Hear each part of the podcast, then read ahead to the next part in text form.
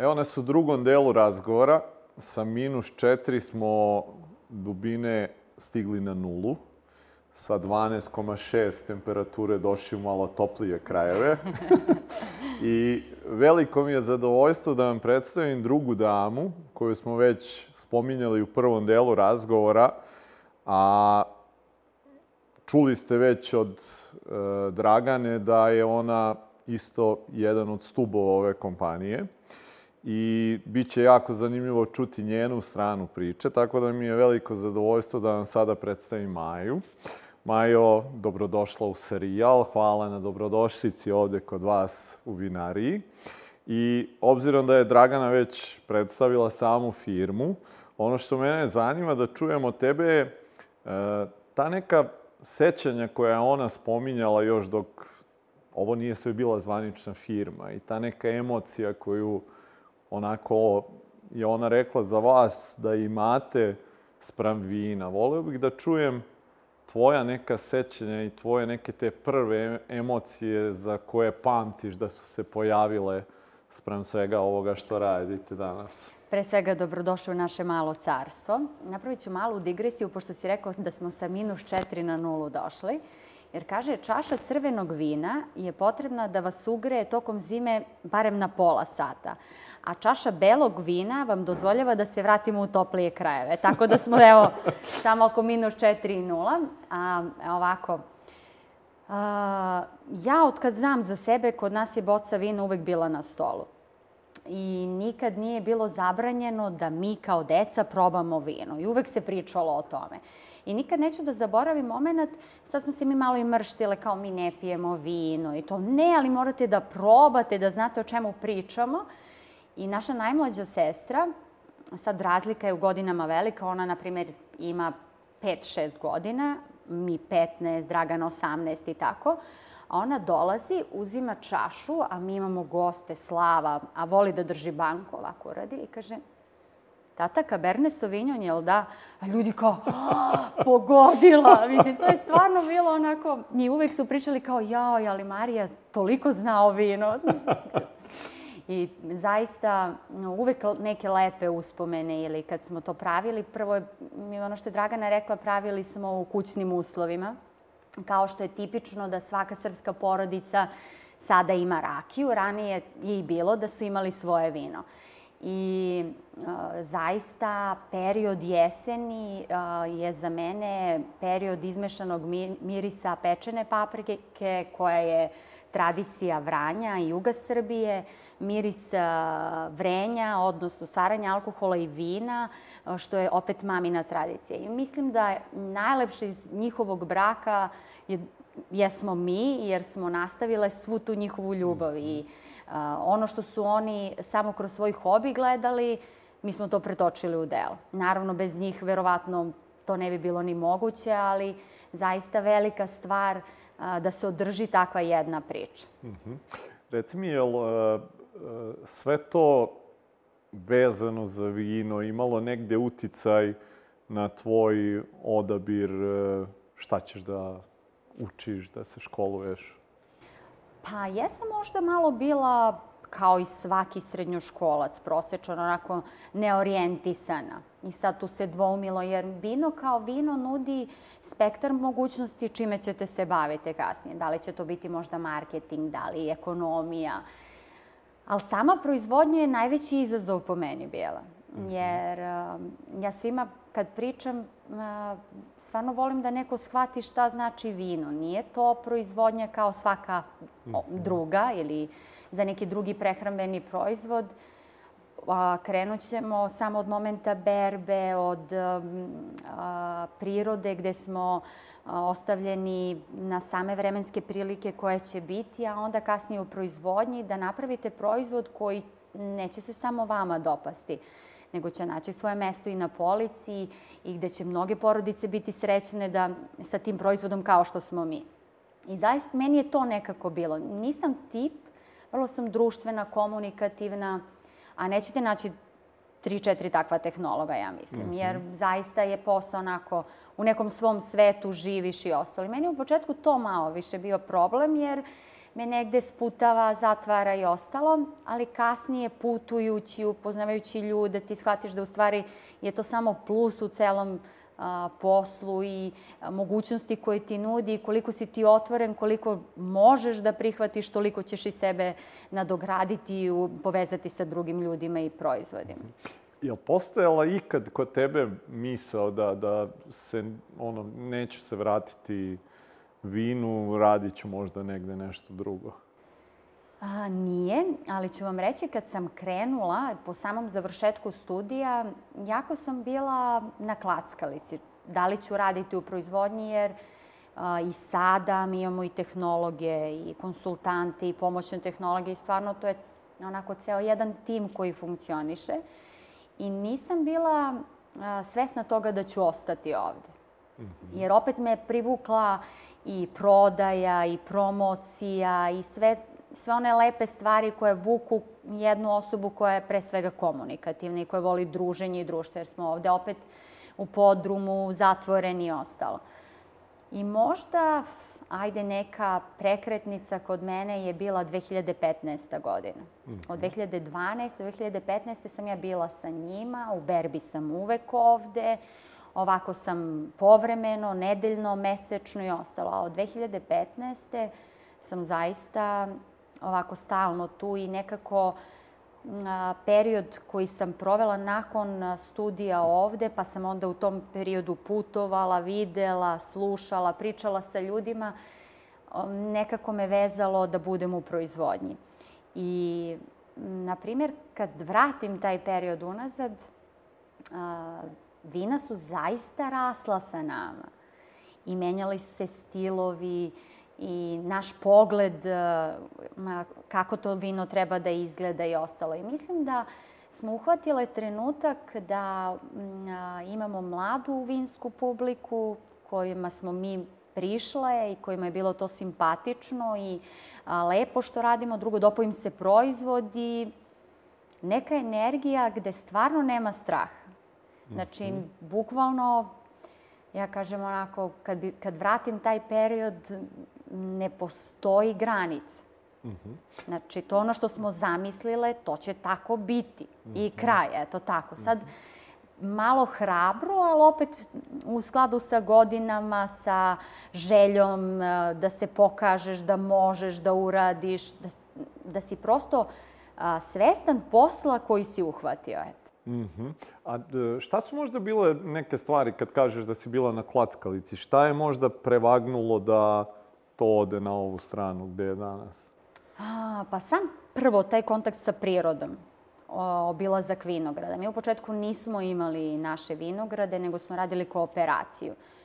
I obilazak, koliko god bio naporan, pošto sam ja obilazila i sa svim dobavljačima grožđa bila u kontaktu, povezati njih sa tehnolozima, sa vinogradarima, zaista je za, negde me to privuklo, taj kontakt sa prirodom. Jer mm -hmm moment berbe, sva ta iščekivanja, um, kada će, šta će se desiti, prognoza, moramo ranije, organizacija i onda kad dođeš ovde i kad probaš od grožđa pa do šira, mladog, mm -hmm. pa do mladog vina, pa na kraju do vina u boci, nekako je za mene to sad, evo, i da se vratim, najveća čar. Mm -hmm.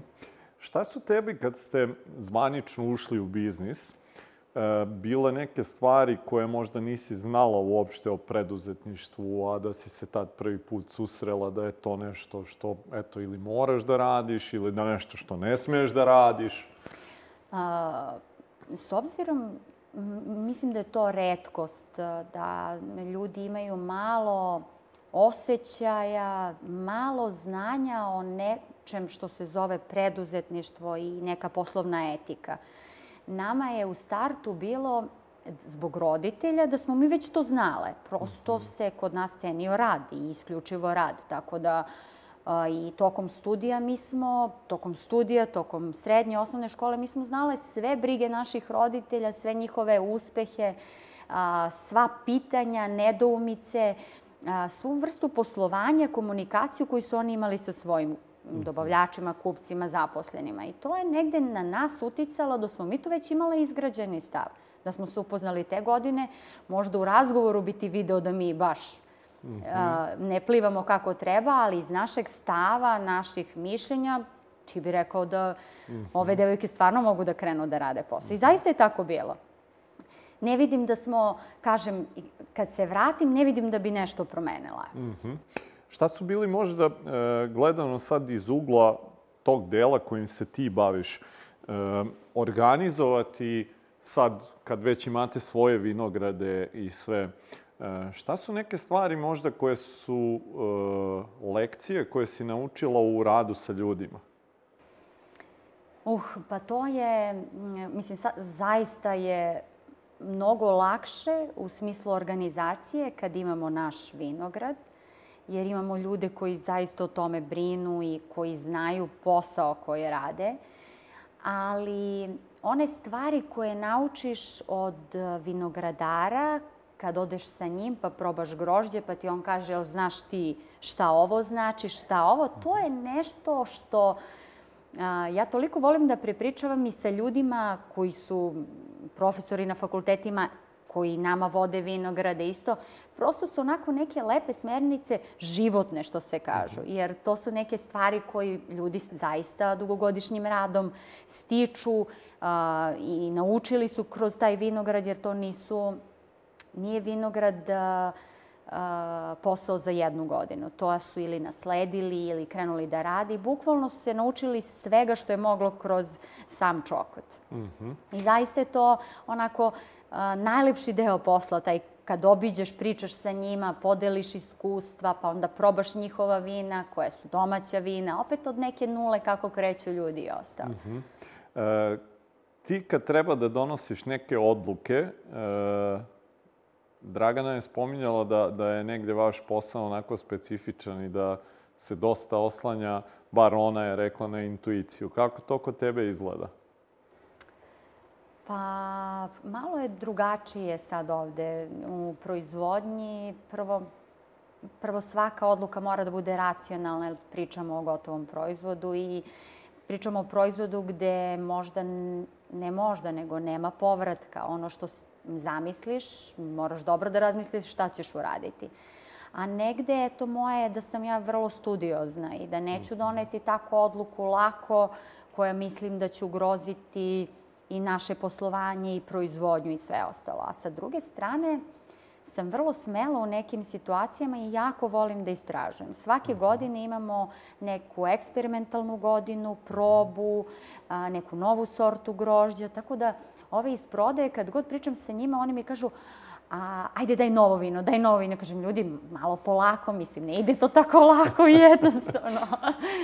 tako da, a, volim da eksperimentišem, ali u dozama koje dozvoljava naš proizvodnja, a što se tiče proizvoda koji su na tržištu, zaista studiozno da bude sve kako treba. Mm -hmm. Kad, kad preuzmeš taj neki rizik, e, postoji li određeni pritisak kako će onda sve to da ispadne? Naravno, uvek. Mislim, zaista na samom početku je u proizvodnji bila improvizacija, jer toliki brzi rast proizvodnje, potražnje, je redkost u svetu da se desi u nekom vinarstvu. Jer od jedne male porodične 100.000 boca dolazimo kapacitet milion litara. Mislim, to je za period, pričam, 12 godina. Mm -hmm. Zaista onako veliko i moraš da budeš u skladu sa situacijom, da možeš da prepoznaš to, da proširiš kapacitete, da se uhvatiš u koštac, da izneseš proizvodnju, da sve to bude kao ono kad si prvog dana krenuo sa malom količinom i, i ono što si zamislio da stvarno sprovedeš u delo. I nije, nije bilo lako onako. Kad staneš, razmisliš, pa sednemo, pričamo da li ćemo na ovu stranu šta ćemo od opreme, a velika su ulaganja, treba sve izdržati.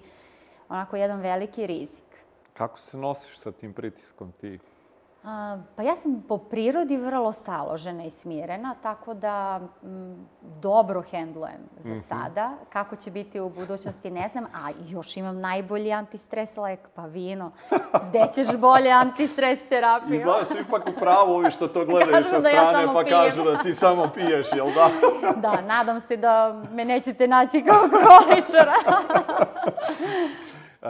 Šta ti smatraš da su e, glavni uzroci tako velikog rasta koji ste imali?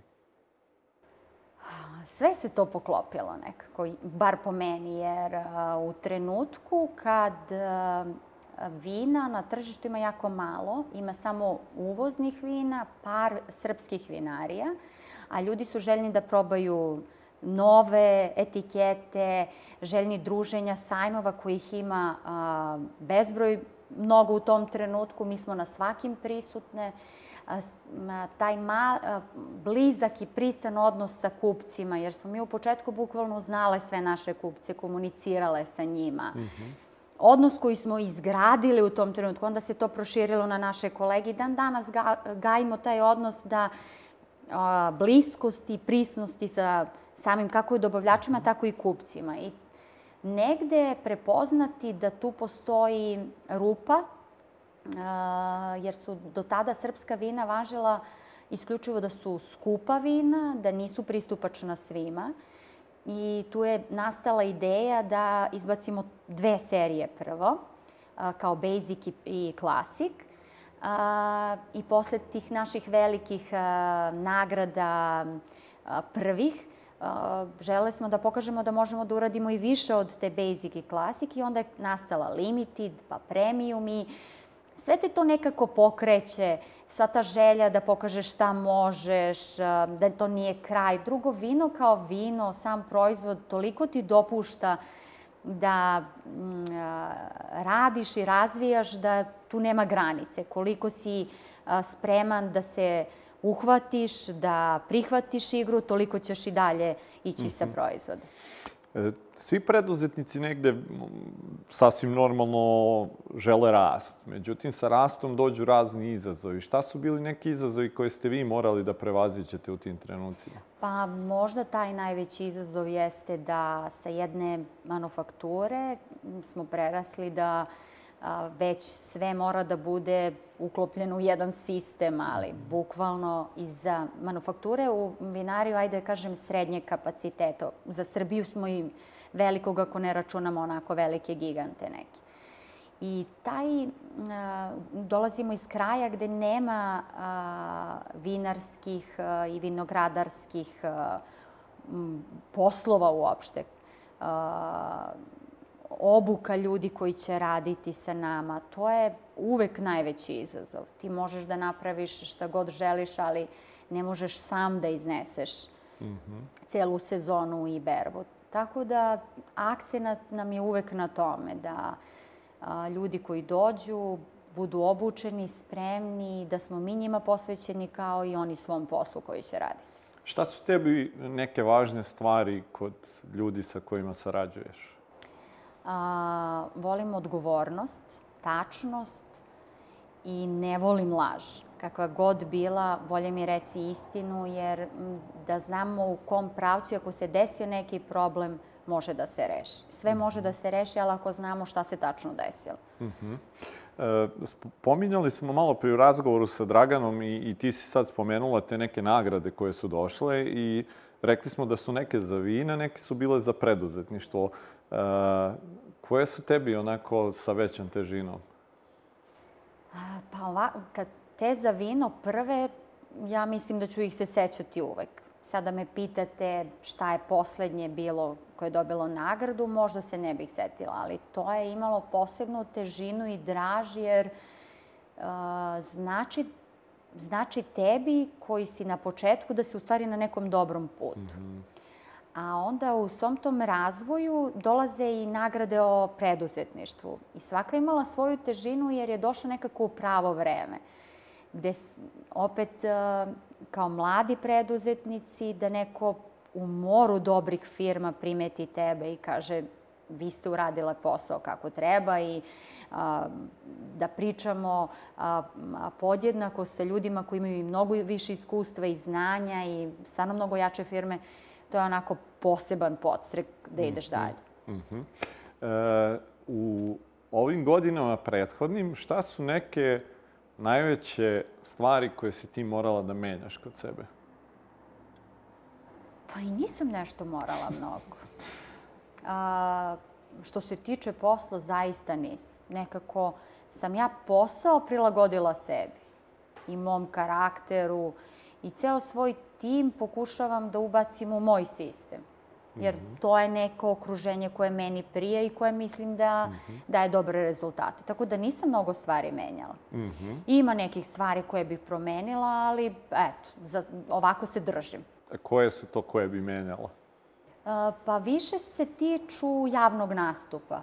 Na primjer, mhm. tu primetim da ili previše rukama ili da volim da se klatim u razgovoru i to je onako nešto što me nervira, ali nije nerešivo. Mislim, znam i svesna sam toga, ali eto, to primetim, na primjer. Mm -hmm. No, nisam primetio te stvari sad u toku ovog sad razgovora. Sad ćeš vidjeti.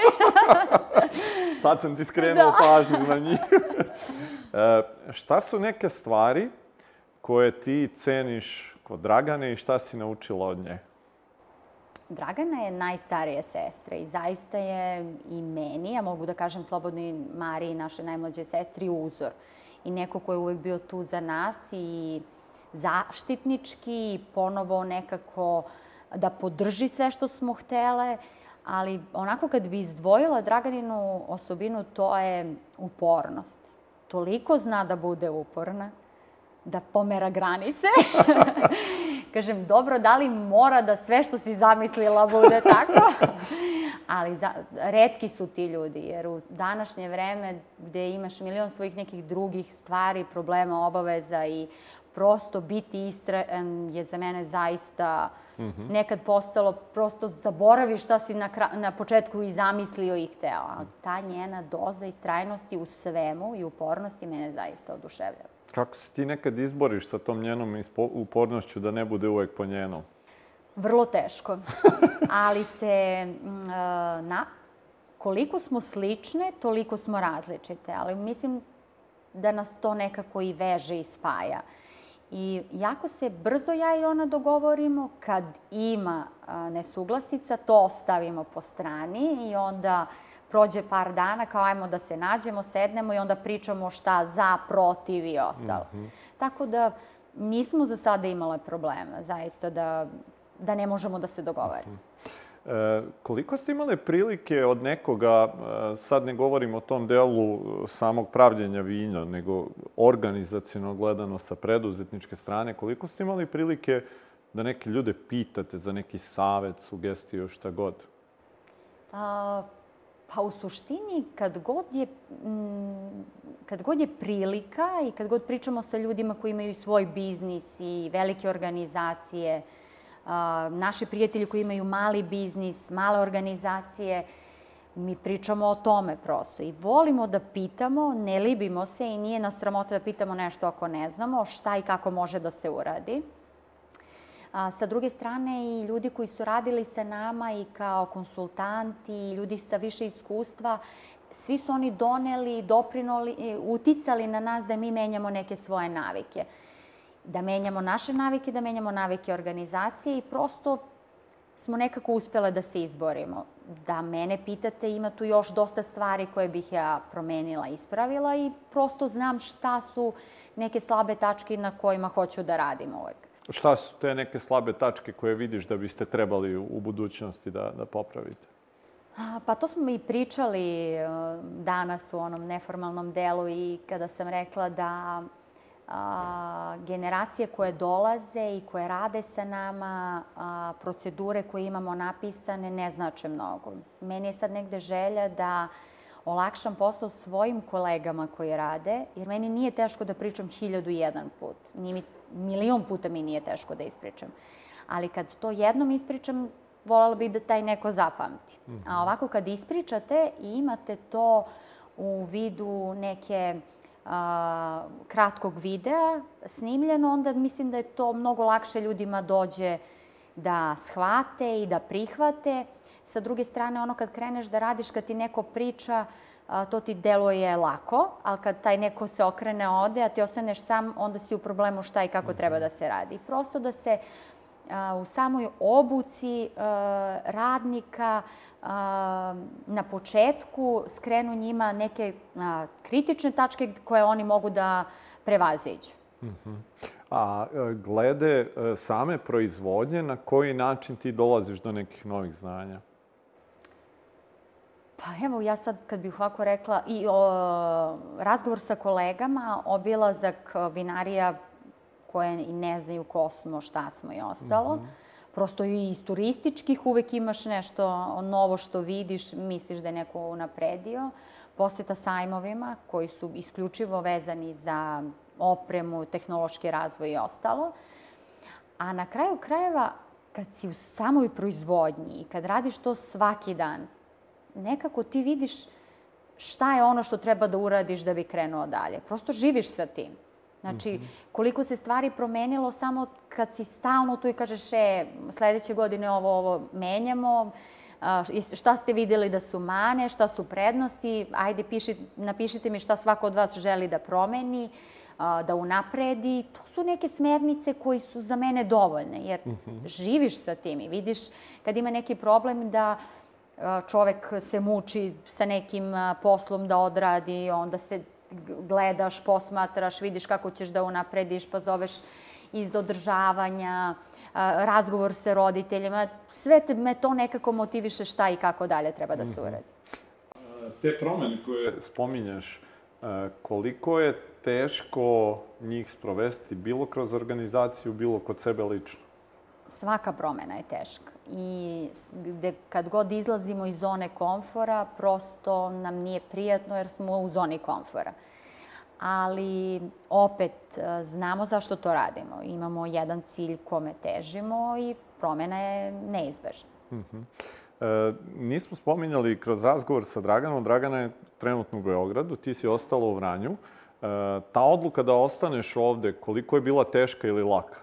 Jako teška da, jako teška jer nekako sam na, imala drugi život tokom studija. Ja sam živela u Beogradu, veliki grad, velike mogućnosti, Vranje je zaista mali grad. I kad god me neko pita, pa jao, kako je tebi u Vranju? Kao da sam u logoru otprilike. Ali eto, ja to gledam sa druge strane. Znači, mene moj posao ispunjava. Mhm. Ja radim ono što volim i što želim da radim. I ja kontakt sa tim nekim drugim svetom i nemam. Ja kažem, ovo je moj neki mali mikrosvet. I zaista mi sad ne predstavlja problem. Čak šta više, lakše mi je u organizaciji zbog dece, usklađivanja obaveza porodičnih mm -hmm. sa mhm. poslovnim i sad mislim da je to velika prednost. Mm -hmm. e, spominješ decu, to je ono jedno pitanje isto koje sam i Dragani postavio. E, koliko su ona svesna da e, postoji neka vinarija i da tu postoji neko, neko vino i da. probaju li ona vino ko vi nekad? Pa, to im opet baka i deka dozvoljavaju da probaju vino, ako se mi bunim, ali dobro, to je sastavni deo odrastanja, moraju da prođu. Jako su mi mala deca, ali su svesni vinarije, jer mama je na poslu, šta radi mama, pravi vino svesni su vinograda jer vrlo često šetamo i obilazim sa njima, pa to bude onako njima zabavno. A najsvesniji su tog dela jer u vinogradu pravimo, trenutno je akcija na, tome da se napravi turistički objekat. I oni jedva čekaju kafić, kad će biti kafić da mi pijemo sokić. Eto, to im je onako trenutno najzanimljiviji deo. Šta su neke stvari koje ćeš se ti truditi da kroz vaspitanje preneseš njima? Pa taj o, a, strpljenje i odgovornost. A, onako sad, kad ih posmatram, ali dobro, stvarno su jako mali, prosto nijedno dete nema to strpljenje, svako bi da to bude odmah što pre, ali mislim da je jako važno, jer a, imam te momente kad prosto jurim, trčim, žurim, da se to desi odmah, iako to nije realno, ali mora sada da se uradi. I onda se onako korak u nas i kažemo, ok, polako, rešit će se i korak po korak idemo. A odgovorna osoba je po meni osoba koja pola stvari već odradila time što je odgovorna. Znati da poštuješ tuđe vreme, tuđu odluku, znati da budeš odgovoran prema sebi, prema okolini, to je za mene jako bitno. Mhm. -huh. Koliko uspeš da, da uh, razdvojiš uh, posao i, i porodični život? Pa s obzirom da ja živim u Vranju, gde živi moji roditelji, slagala bih kad bih rekla da to je odvojeno.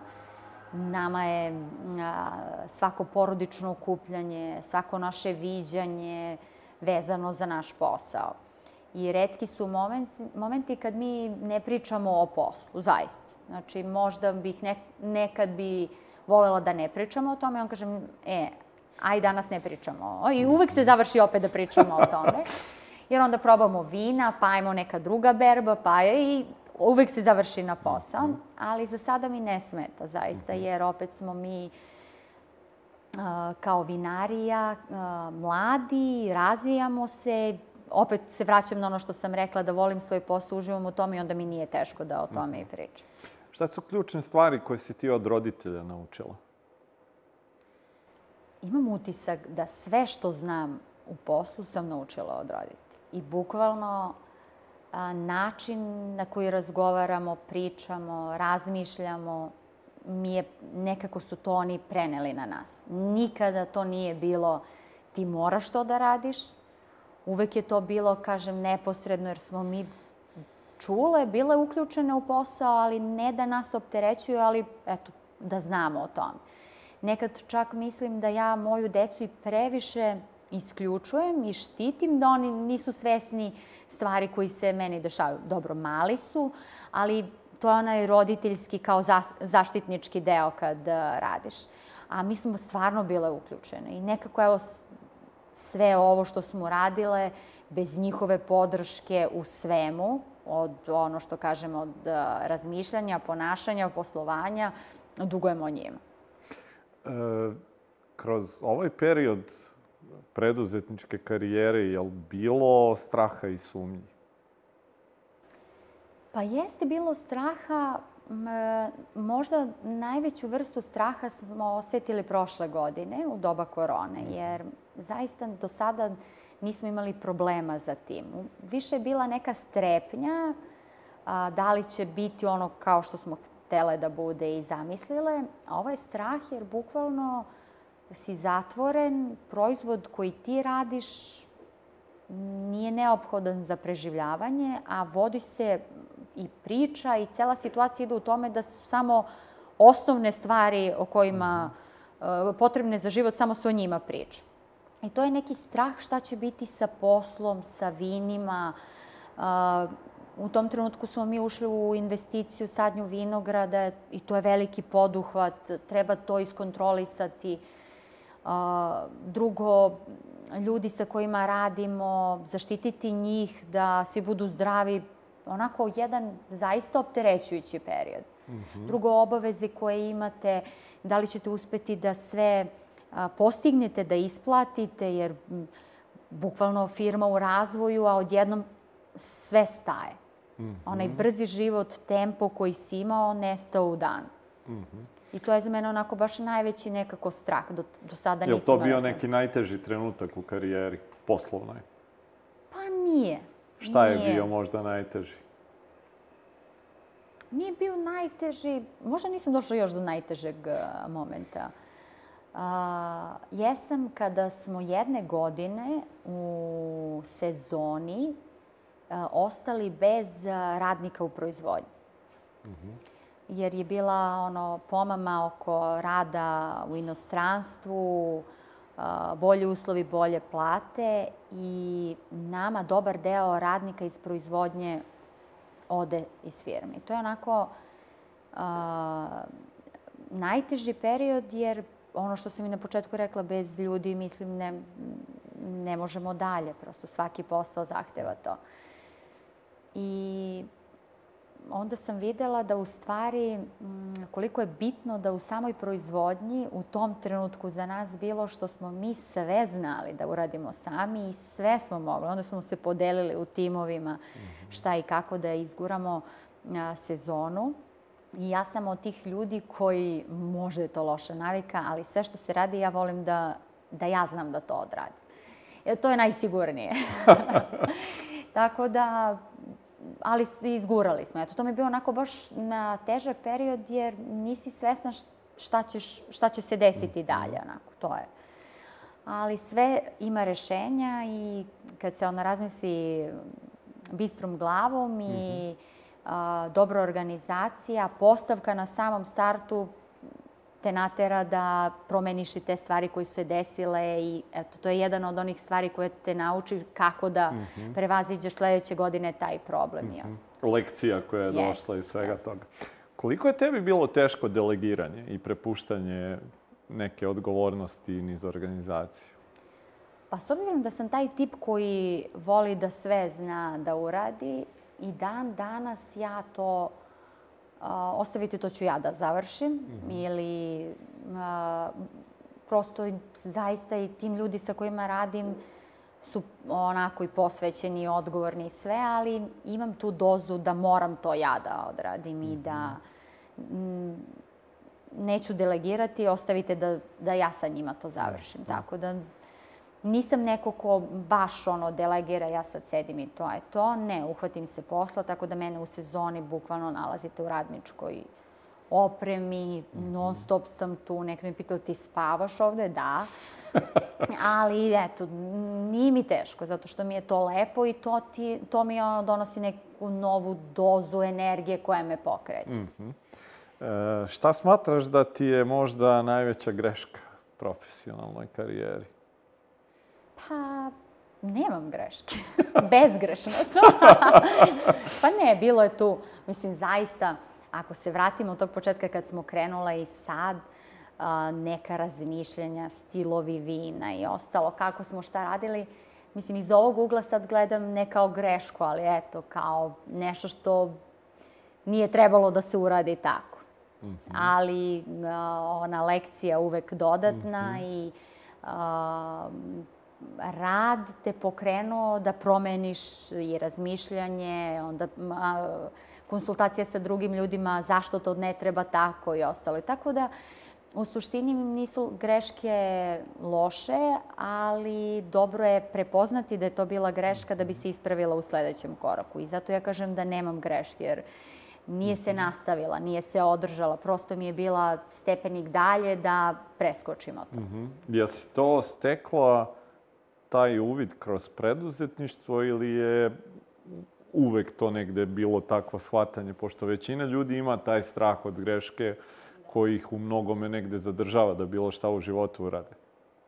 Pa mislim da generalno moj pogled ovako na život kad bi se vratila, uvek sam takvog razmišljanja. Znači, mm -hmm. nije, mi, nije mi samo iz preduzetništva, ali mi je ta osobina i ta neka moja, ajde, intuicija sa mhm. greškama mm -hmm doprinela tome da, da grešku ne vidim i ne ostavim i ne shvatim kao nešto najgore mhm. što se desilo, nego mi je zaista uvek bila stepenica za dalje. Mm -hmm.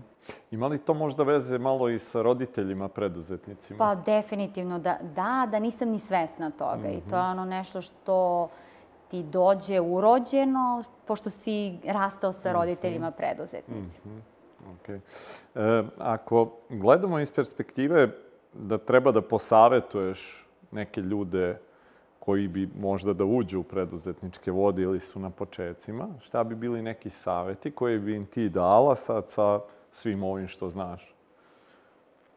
A, od ideje do realizacije treba i dosta truda i rada i mnogo drugih stvari i kockice da se sklope da bi se uh, a, došlo do same realizacije, do same realizacije, ali negde upornost i strajnost i strpljivost. Jer sve mhm. će doći na svoje ako ste zaista zamislili i mhm. želite da uradite nešto što vi mislite i svesni ste toga da možete. Jer pričajući sa mladim i ljudima i nekako su nas uvek zvali, pošto smo bliže generacijama, a, ljudi koji završavaju fakultete, koji bi da su, pokrenu svoj posao i uvek je a, pitanje pa kao šta ja da radim, šta da pokrenem, kao ja sam završio, ne znam, ekonomiju, a, gde ja da se usmerim.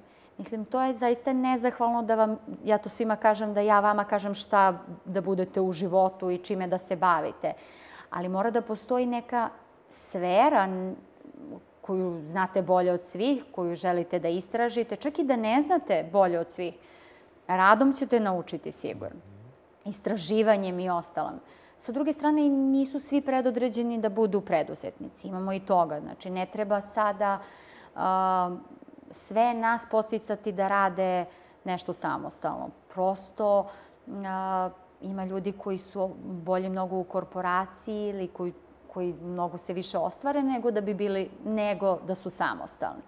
To je stvarno nekako trebamo biti svesni sebe, svojih mogućnosti, ne trebamo očekivati nešto previše što ne možemo da ostvarimo. Mm -hmm. Kako vidiš e, vinariju Aleksić za 10 godina? Za 10 godina, e, evo ovako, rekla sam da u, sa 50, mojih 50 godina, to svima pričam, sa mojih 50 godina, kad budete došli na degustaciju ovde, A, ja ću spremati hranu, inače sam očajna u kuhinji, ne znam ništa da spremim, ali eto, opet, to je negde moja... To si zacrtala, zacrtala sebi kao cilj, je li da, tako? Dobro. Da, a, imaću neki restoran koji na, tog dana spre, se jede samo ono što sam ja spremila, uklopila sa vinima. Dobro. A, I to će svakako biti u Vinogradu i to će biti deo turističke ponude vinarije Aleksić. A, za 10 godina a, vinariju i vinograde. Vinogradi će biti u punom rodu, a nadam se da će vinarija biti na lokaciji gde su vinogradi i da će biti jedna zaokružena priča. Mm -hmm. Dobro. E, Majo, pitanje sa kojim završimo razgovore, a, koje kaže sledeće, da imaš priliku sad sa svim ovim što znaš, da se vratiš u 2012. ili 6. izaberi ti i da budeš mentorka Maji iz tog perioda, šta bi joj rekla? da li si ti, Majo, spremna da se uhvatiš u koštac sa svim mhm. ovim? Jer kad smo mi krenule, zaista nismo ni očekivale, ni znale kakvo je vinsko tržište. Pričam isključivo o vinskom, ne o preduzetničkom.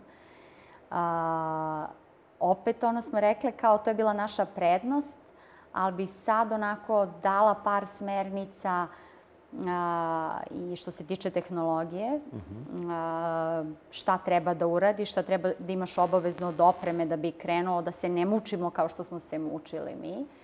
Što se tiče prodaje i plasmana samih proizvoda, apsolutno bi zadržala stav i izbor koji imamo trenutno. Mislim da smo napravili pravi izbor jer smo pokrili celo tržište, da možemo svakom kupcu da pružimo osjećaj lepo utrošenog i kvalitetnog vremena sa našim proizvodom. Tako da, mhm. evo, samo bih rekla, dobro Majo, treba da pored sve te svoje dobre volje i energije koje imate, morate da imate presu većeg kapaciteta, a, obuka radnika a, na prvom danu radnog posla i a, eto, pa to bi bilo to. Znači, a, obuka, a, ajde ne kažem presa, nego oprema, a, konsultacije sa određenim ljudima koji imaju znanja više u, proizvodnji. Jel bi ta Maja poslušala ili rekla, ma ti ćeš da mi kažeš? Ne bi poslušala. A danas? A danas bi poslušala i uvek e, saslušam i šta mi kažu i volim koliko znate da čujete, toliko i koliko znate da prenesete, toliko ste u prednosti sa ostalim ljudima. Jer u današnje vreme niko ne želi da sluša mm -hmm. i mhm. niko nije spreman da čuje možda a, savet koji bi neko voleo sa tobom ili mišljenje da podeli. I zaista mislim da a, razgovor, priča sa ljudima, a, deljenje iskustva i mišljenja može zaista da pomogne svakoj organizaciji. Majo, hvala ti puno i tebi i Dragani na, na odvojenom vremenu.